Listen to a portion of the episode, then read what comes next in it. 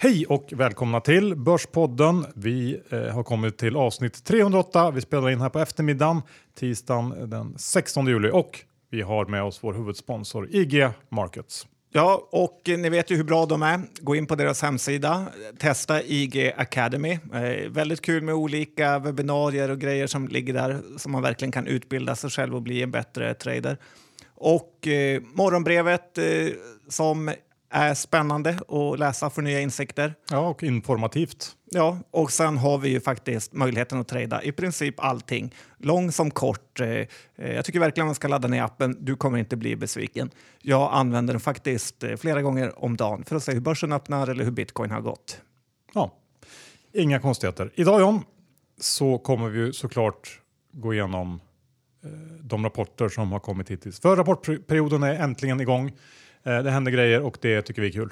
Ja, verkligen. Och det är väldigt många småbolag som varit eh, snabba att rapportera och eh, dessutom kul att sitta i samma studio som dig igen här efter en veckas eh, resande, eller två. Så är det. Innan vi kör igång så är vi också sponsrade av Lendify, eller hur John? Ja, och eh, jag var faktiskt inne på deras sajt idag och köpte eh, två lån för eh, kanske 80 000 kronor. Eller det var en herrans massa lån inkluderade ihop. Två portföljer kanske? Ja, precis. Som var ute på deras andrahandsmarknad. Och den som trodde att det skulle vara en dagslända har ju helt fel för att det, det omsätts otroligt mycket lån på deras andrahandsmarknad. Och jag räknar ihop vår portfölj Johan som vi har för företaget och vi har över tusen lån nu som tickar in pengar till oss varje dag. Så att Eh, pratar man riskspridning så ska man nog kanske sätta in eh, Lendify där för att det eh, är otroligt bra och kring kanske 5-6 procent är ju snittränta. Och tycker man att det här låter intressant, ja då går man in på lendify.se snedstreck Börspodden. Sätter man då in minst 20 000 kronor och investerar dem, ja då får man 500 kronor extra som en bra startpresent.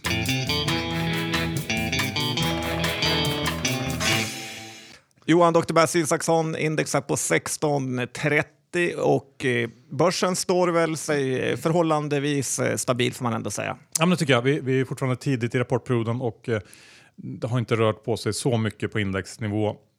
Men jag tror nog inte heller att vi kommer komma så mycket högre upp än så här inför hösten och att det sen är dags för en lite större nedgång.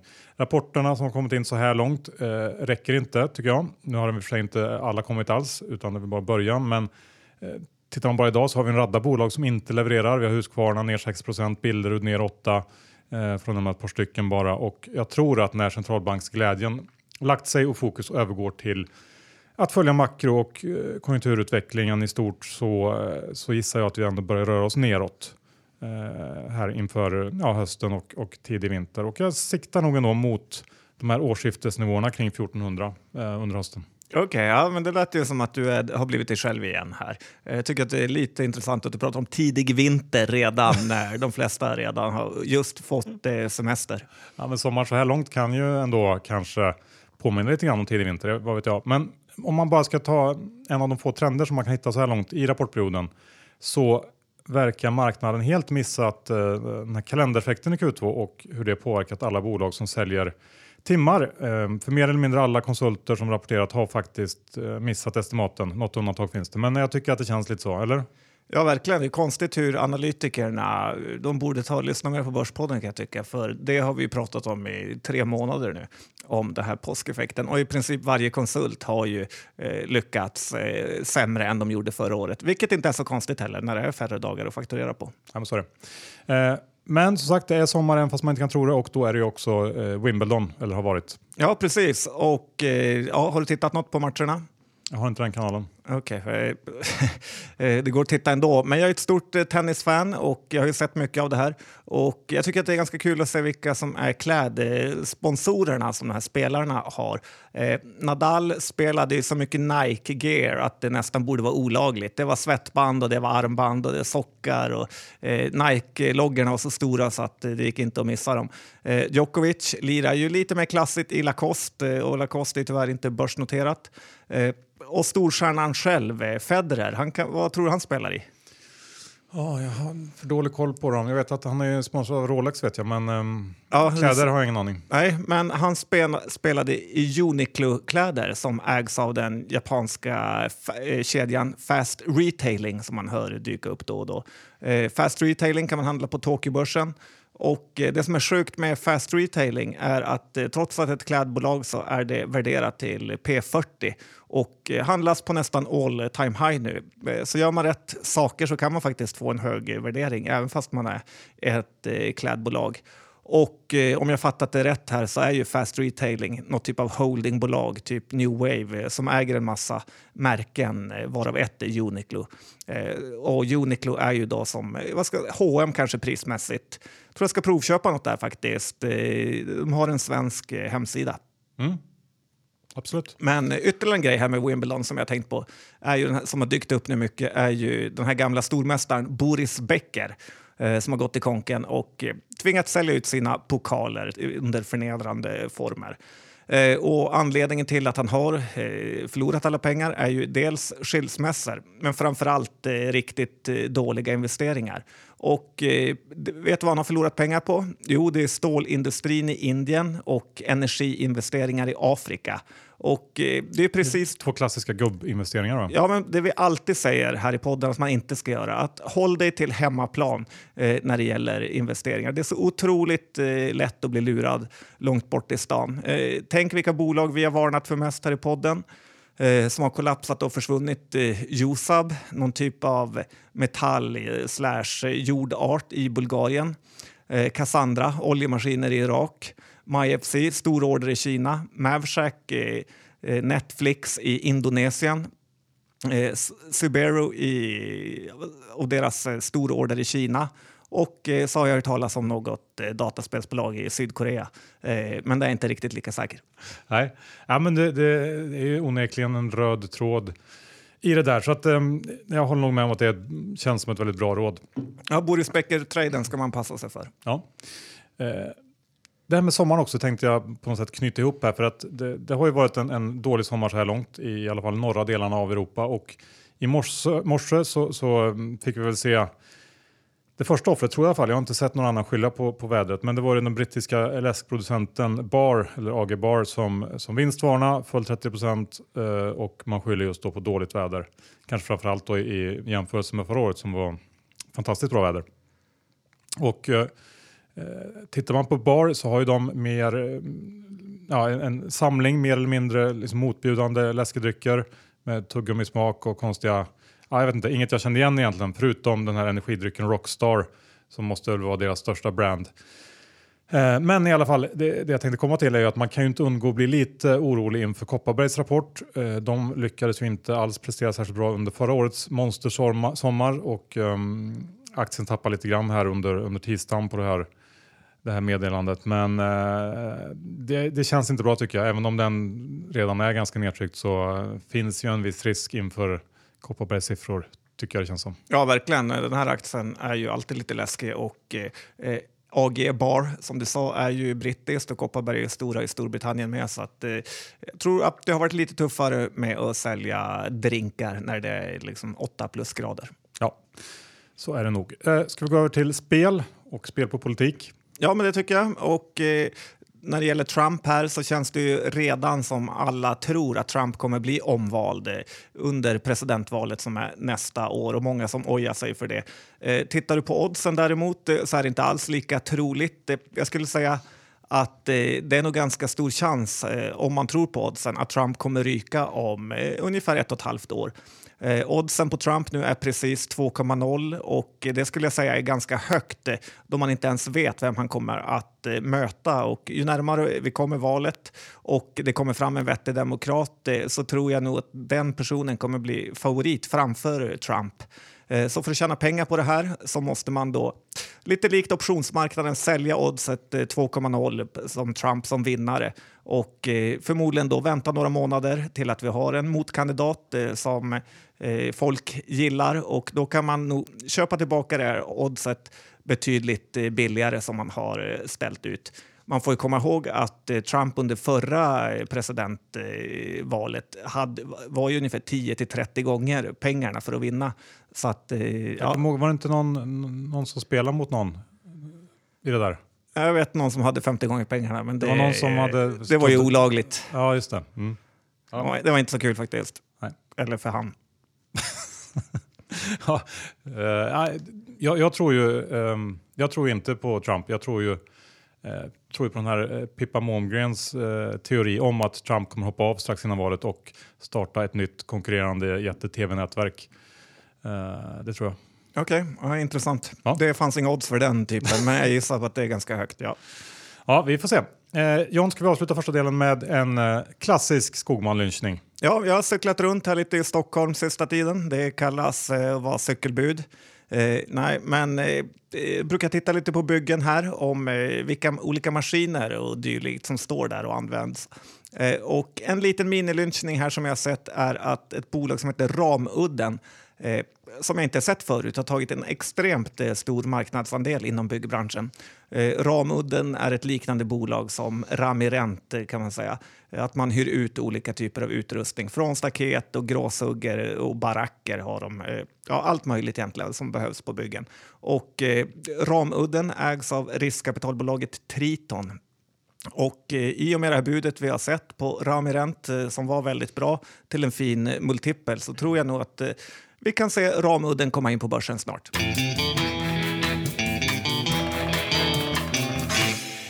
Okej, då är det dags att gå igenom ett antal av de rapporter som har kommit in och vi börjar John med Atlas för de är störst. Ja, spännande. Ja, eller jag vet inte hur spännande det är men ah, hyfsat ändå. Omsättning och resultat inline, väldigt inline. Orderingången någon procent bättre, 2 procent tror jag. Eh, men en sänkt outlook. Och ehm, hade man fått se den här rapporten innan den släpptes då hade man ju, i alla fall jag, varit övertygad om att aktien skulle varit ner, ja men säg 5 procent i alla fall.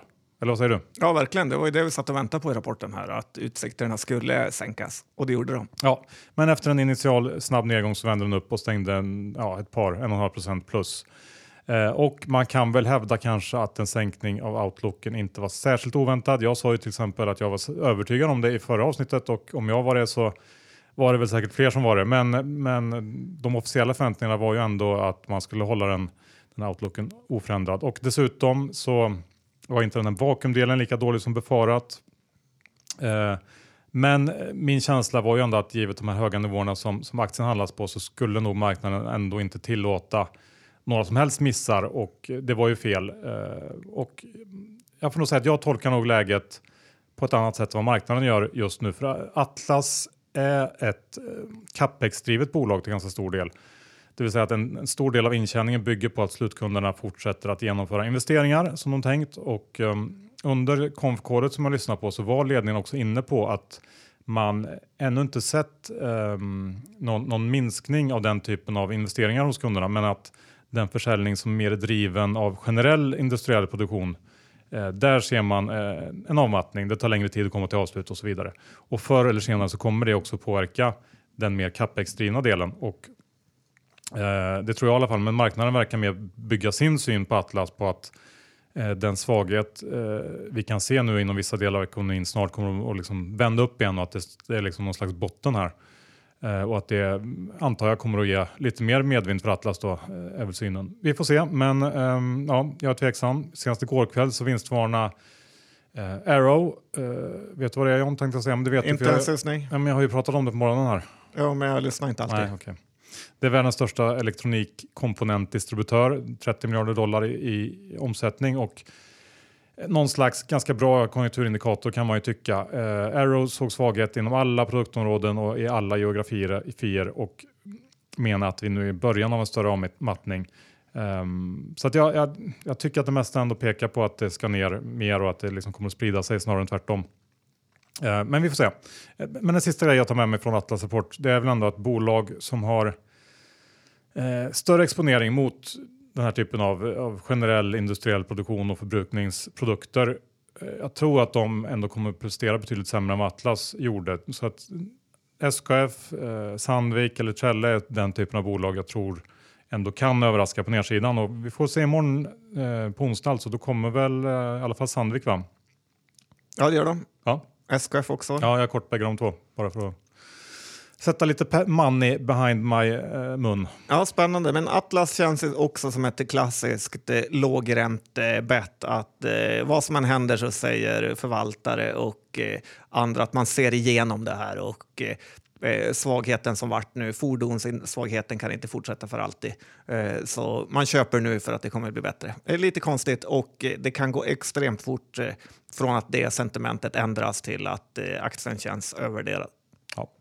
Så är det, vi får se, det är spännande att följa. Men vi går över till något mycket, mycket mindre. Jag vet inte om du nämnde det här bolaget när du pratade om Kina Orders. Eh, det gjorde du inte va? Jag tänker på Medica Nautomin.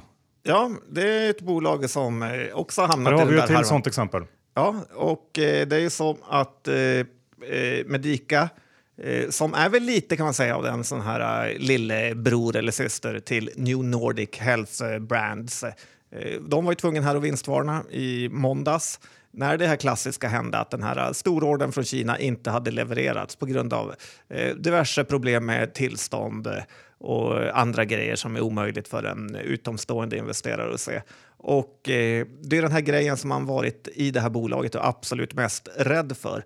Eh, men också får man säga med tanke på hur kursen har gått eh, så har man ju fått känslan av att vissa investerare haft på känn att eh, det här har hänt. För aktien har ju gått ner väldigt mycket Den har innan. väl typ halverats in, innan på något Ja, sätt ja, och det är det som man hatar med de här småbolagen där informationen läcker hejvilt. Och eh, som värst var aktien ner över 20 procent eh, under dagen eh, när det här beskedet kom. Men nu har, den faktiskt hämtat eh, sig rätt bra. Det är väl också ett tecken på att många visste om det här innan. Eh, bolaget fortsätter säga att de, inte, att de tror att de här problemen kommer att lösa sig i Kina eh, under året och behåller helårsprognosen. Det är något man kanske ska vara lite tveksam till. Eh, det positiva i Medica är ju att om man tar bort X Kina, jag vet inte, kan man räkna så Johan?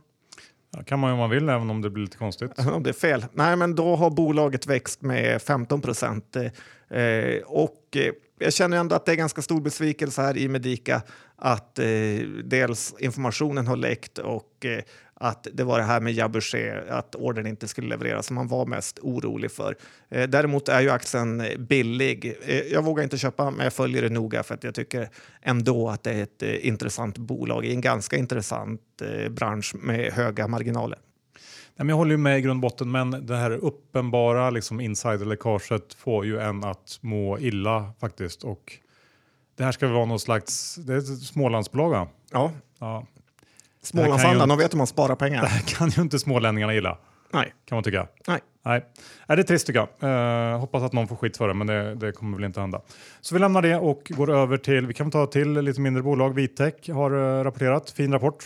Ja, verkligen. En av de bästa så här långt. Ja, faktiskt. Eh, Och Umeå kan ju behöva lite framgång nu med tanke på den eh, tråkiga olyckan som var där. Eh, men åter till Vitec då, så visar ju de varför de har den här monstervärderingen på eh, P35. Det är lite som ett data Indutrade, en roll-up inom data. Eh, ganska genialiskt. Eh, dessutom är ju Vitec nästan bara återkommande intäkter, eh, vilket investerare älskar.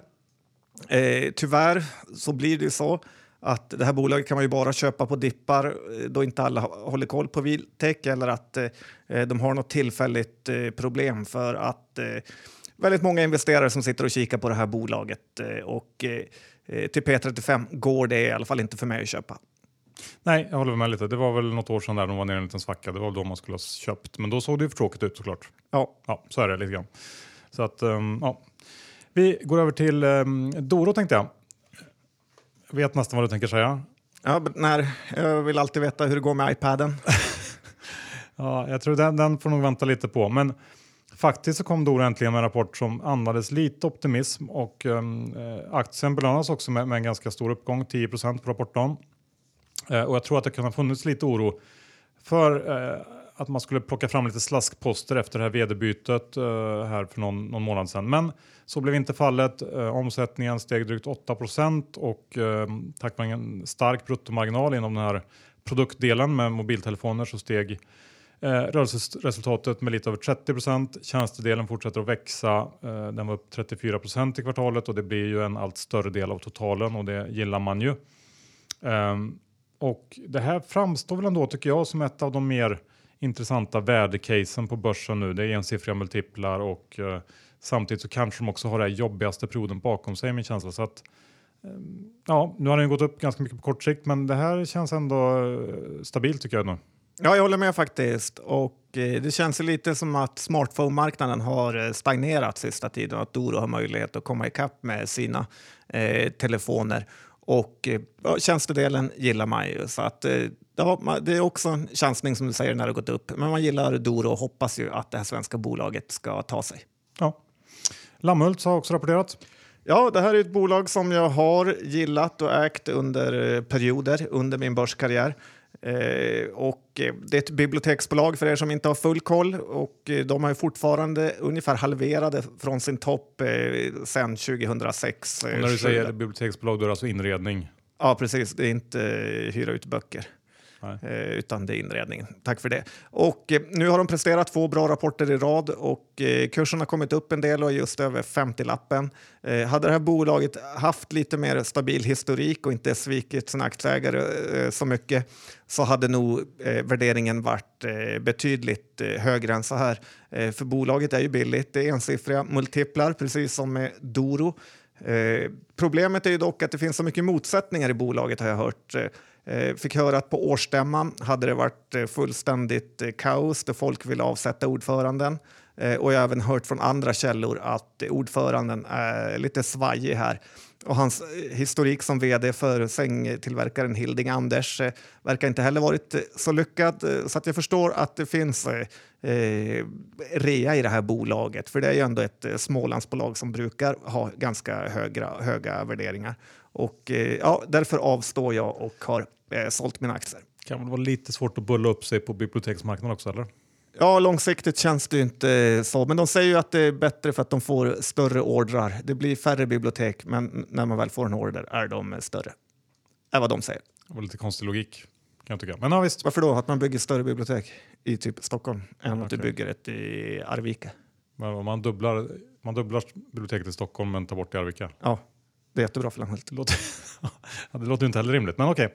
Jag köper det. Vi lämnar bibliotekens storlek i framtiden och går vidare till eh, NetEnt. Det är väl den största förloraren så här långt i rapportperioderna jag kan komma på. Ja, det var en liten tuff dag de hade på rapporten. Ja, eh, jag var ute och spelade golf och köpte lite från mobiltelefonen när någon sa till mig att nu är, är det billigt. Mm, det är en klassisk, en bra affär. Ja. Gick, Nej, men ja, det jag ordnade väl upp sig hyfsat. Men vi, vi kommer dit. Resultatet kom in inline i alla fall. Det var väl tack vare en ganska god kostnadskontroll får man säga. Det, det, trots att de, de eh, tappar en del i omsättning så lyckas de eh, ändå parera mycket av det. Uh, och det, man kan faktiskt till och med hävda att det var, var ett bättre resultat än väntat om man justerar för lite legala kostnader de hade uh, relaterade till en rättighetsprocess och väljer att se det som EU. Jag vet inte riktigt varför de själva inte gjorde det. lite märkligt för det brukar ju bolag vara ganska snabba med att leta upp Ja, men du gillar ju sådana bolag som inte justerar. Ja, nej, men det kan jag tycka är sympatiskt. Eh, men det, det, är väl egentligen inte det som är det viktiga. Det är omsättningen och, och det faktum att den, den faller helt enkelt. Um, totalt sett minskar intäkterna 4,1 procent uh, jämfört med föregående år och i Sverige så föll uh, omsättningen med hela 35 procent och uh, det var värre än befarat. Speciellt med tanke på att man ändå har signat Svenska Spel och ATG här inför um, regleringen så är det ju ändå rejält. Och gissningsvis så är, väl, är det väl de här mindre aktörerna, eh, Ninja Casino och liknande och ännu mindre kanske, som fullständigt har kraschat och att det är det som har liksom dragit ner totalen så mycket. Jag lyssnade på konfkålet och eh, om man ska försöka hitta någon ljuspunkt här så var vdn eh, ändå märkbart hoppfull kring den här live-casinosatsningen. Det får man väl för sig ta med en nypa salt. De har väl pratat om det ganska länge nu och det har inte hänt någonting. Men sa att bidraget därifrån definitivt kommer att vara meningsfull eh, under 2020 och nu är det ett par kvartal bort. Sa hon positivt eller negativt?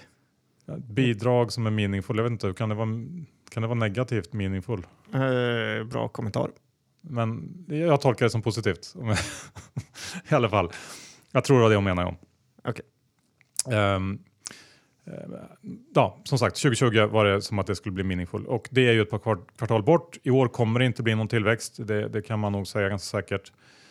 Eh, men i ett sånt här läge som NetNet är nu, det, väljer man ändå att köpa det hon säger och tror att det kan eh, liksom knuffa knuffa eh, omsättningen upp till en, en hyfsad tillväxt nästa år, ja men då skulle det kunna vara ett, ett bolag som kan gå Eh, gå upp en del. Um, så att jag, jag, jag har köpt som sagt lite aktier eh, det är nog ingen lång, långsiktig position för mig, men eh, från de här nivåerna på 27-28 spänn så känns det som att det kommer inte krävas så mycket för att den ska kunna studsa upp lite grann.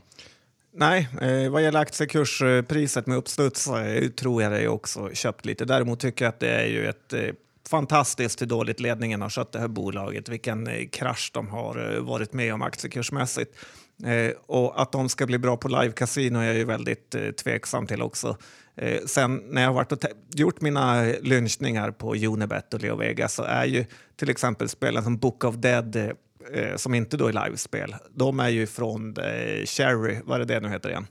Yggdrasil. Ja, precis. Det är Yggdrasil-spel. Så att det känns som att de även tappat eh, på de vanliga. Och, ja, men så är det. De är ju pressade från, från två fronter så att säga. Så att eh, definitivt aktien, man ska ju köpa när det är svagt. Vi såg ju Leo Vegas, när det såg mörkt ut där så har aktien studsat upp rejält eh, från den botten. Så att det kan nog vara eh, bra. Eh, däremot tycker jag att bolaget har eh, svikit sina aktieägare rejält när men, de blev fat and happy. Ja, men det håller jag med om. Men ingen människa i världen kan övertyga mig om att, att det Evolution gör med live är så, så ofattbart fantastiskt så att, ing, att det liksom inte går att, att konkurrera med dem. Det är ju helt, det är helt uh, orimligt. Ja. Någon gång, i alla fall att ta en liten andel. Eh, Nettan behöver ju inte bli liksom stor på det här, men det räcker med att få in foten någonstans. Så borde det ändå synas siffrorna och det är väl någonstans där man får liksom uh, approchera det här caset tycker jag. Ja, men där har du en bra poäng. Bra, då går vi över till Byggmax. De har rapporterat, eller hur John? Ja, det har de gjort och eh, kanske var till och med ännu sämre än vad Nettan var när vi pratade dåliga bolag. Och eh, i England brukar de säga first things first eh, och eh, jag vill bara säga de som är layoutansvariga för Byggmax eh, rapporter måste få sparken genast. Eh, Byggmax ska ändå vara någon typ av konsumentbolag och eh, Eh, har du en rapport som ser ut som en blandning av en serietidning med pratbubblor från vdn blandat med reklambladskänsla i jättefula färger. Eh, rapporten var inte mycket bättre än layouten och eh, Även om Skånska Byggvaror eh, inte är den här katastrofen den tidigare var så är, får man ju med skuldsättningen från det här köpet i bolaget eh, som Byggmax eh, eh ser ut nu. Och eh, sen har det här nya IFRS-reglerna gjort att Byggmax på någon eh, vänster fått en brutal leasingskuld som jag inte riktigt orkat grotta i. Eh, men det känns inte bra eftersom de eh, ställde in utdelningen för i år här. Så att det, är nog lika bra att hålla sig borta från Byggmax faktiskt innan de har rätt ut det här. Och kom alltid ihåg vad ett uselt förvärv kan göra med ett bolag. Ja, jag såg eh, Kiel-förvaltaren Mattias Svensson twittra att även om, om Byggmax-aktien går till noll så handlas den till EVB 10 och det är ju lite jobbigt med den typen av balansräkning när det inte går som det ska. Ja, ja, lite överdrivet kan det vara med den här leasingskulden som man inte riktigt vet vad det är. Men eh, det är inte bra. Så att, men, eh, ja, Mattias Svensson är ju kul. Fortfarande följer på honom. Ja. Sen tänkte jag gå över till eh, ett favoritämne.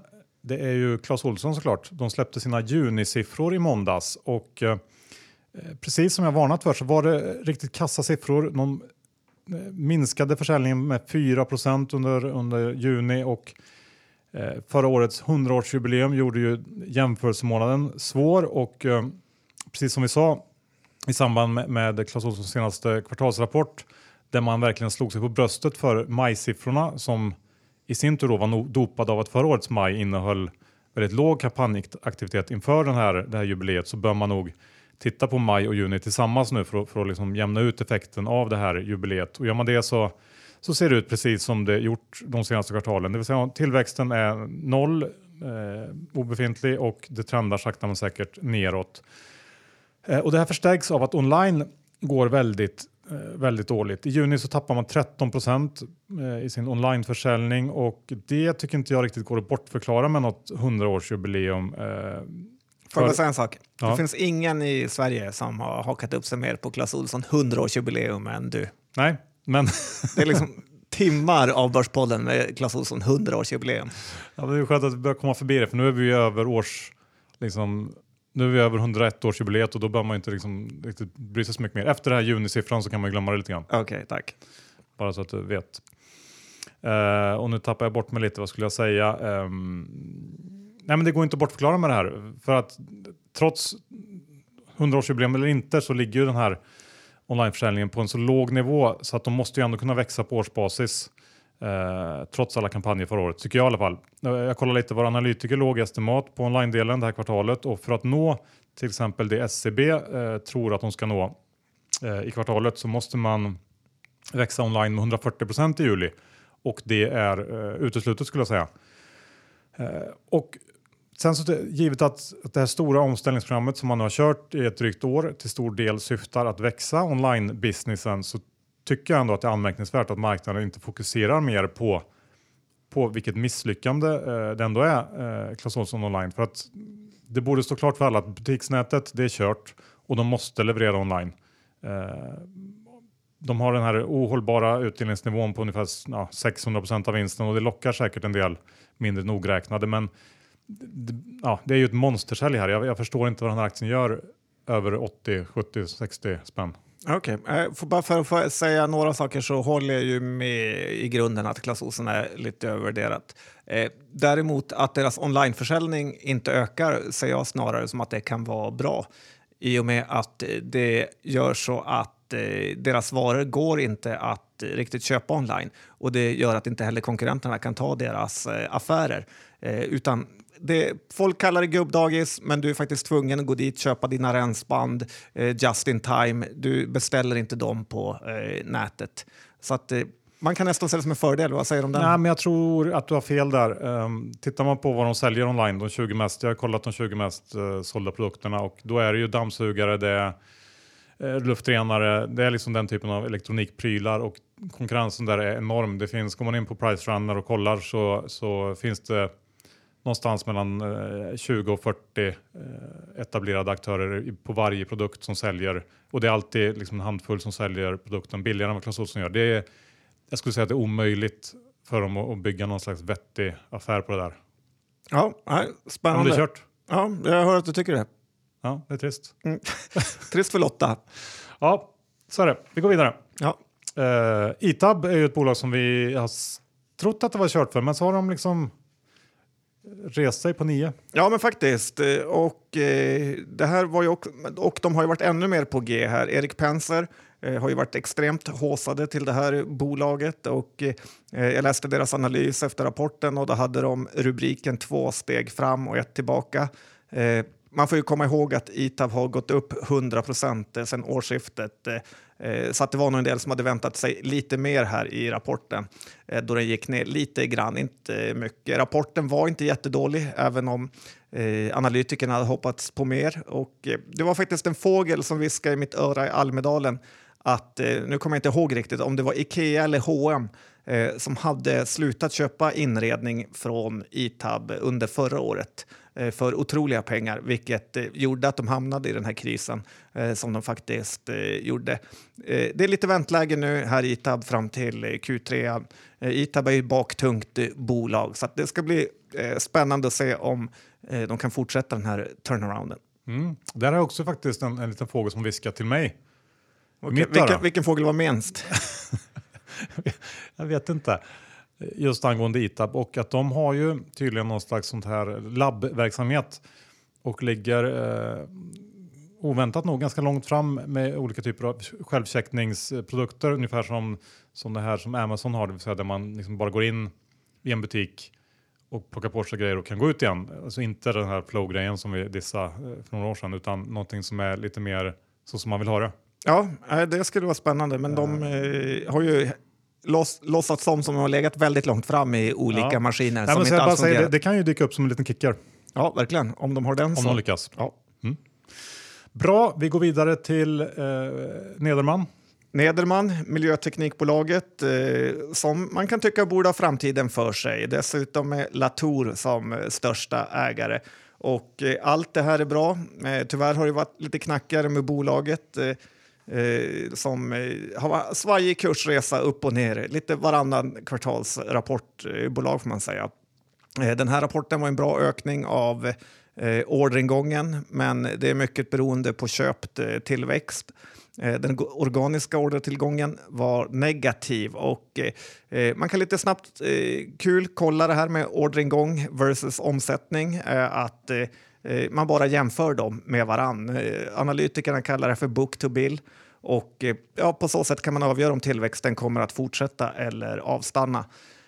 Men i Nedermans fall så hade man ju förra året en katastrofal eh, Q3, alltså nästa kvartal, eh, på grund av den här orkanen som härjade i USA och eh, kostade dem en massa pengar.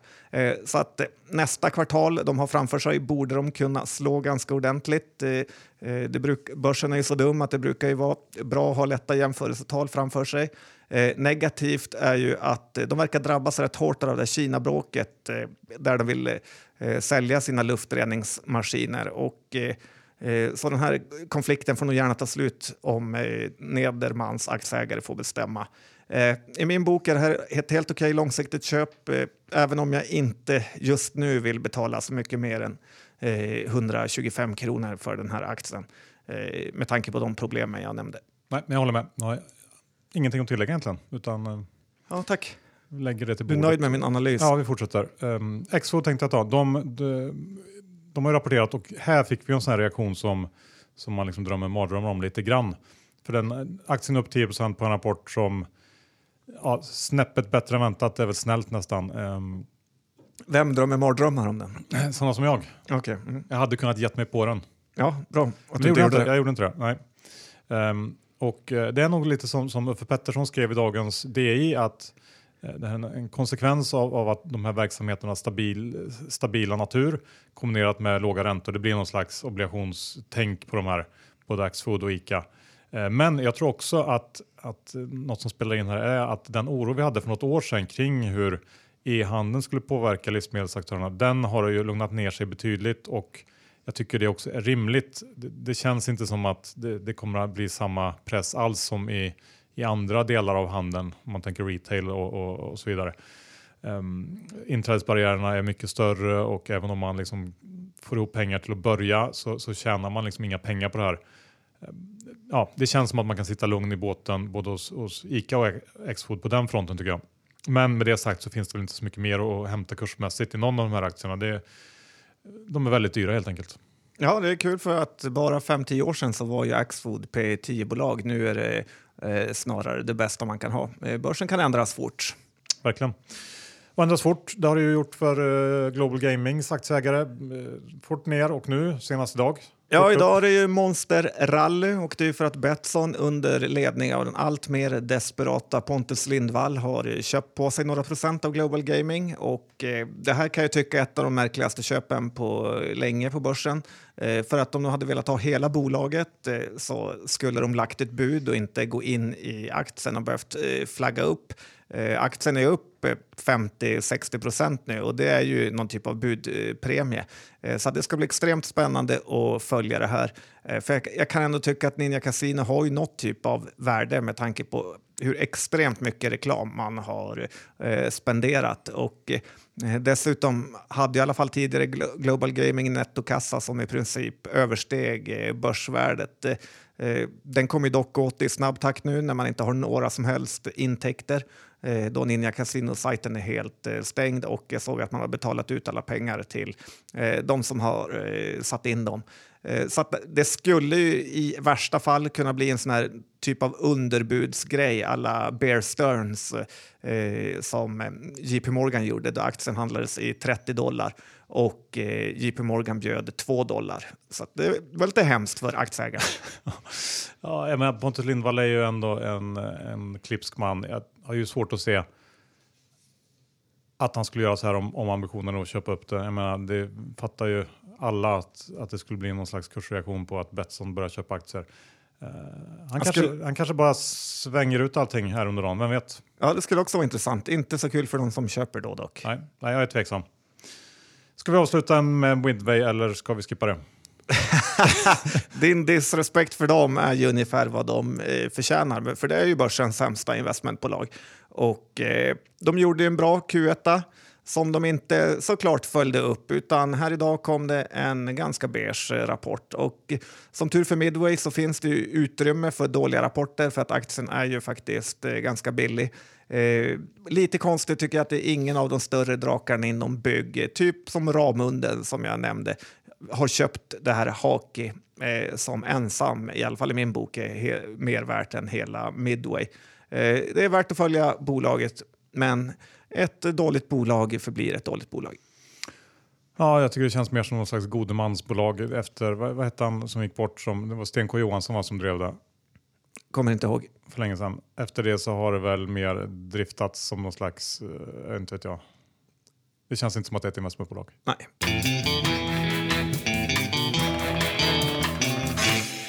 Slut på avsnitt 308. Ganska kul tycker jag. Ja, men verkligen. Det var mycket bolag. Gillar man börsen så måste man lyssna på det här. Men de har redan gjort om man hör slutsnacket. Ja, såklart.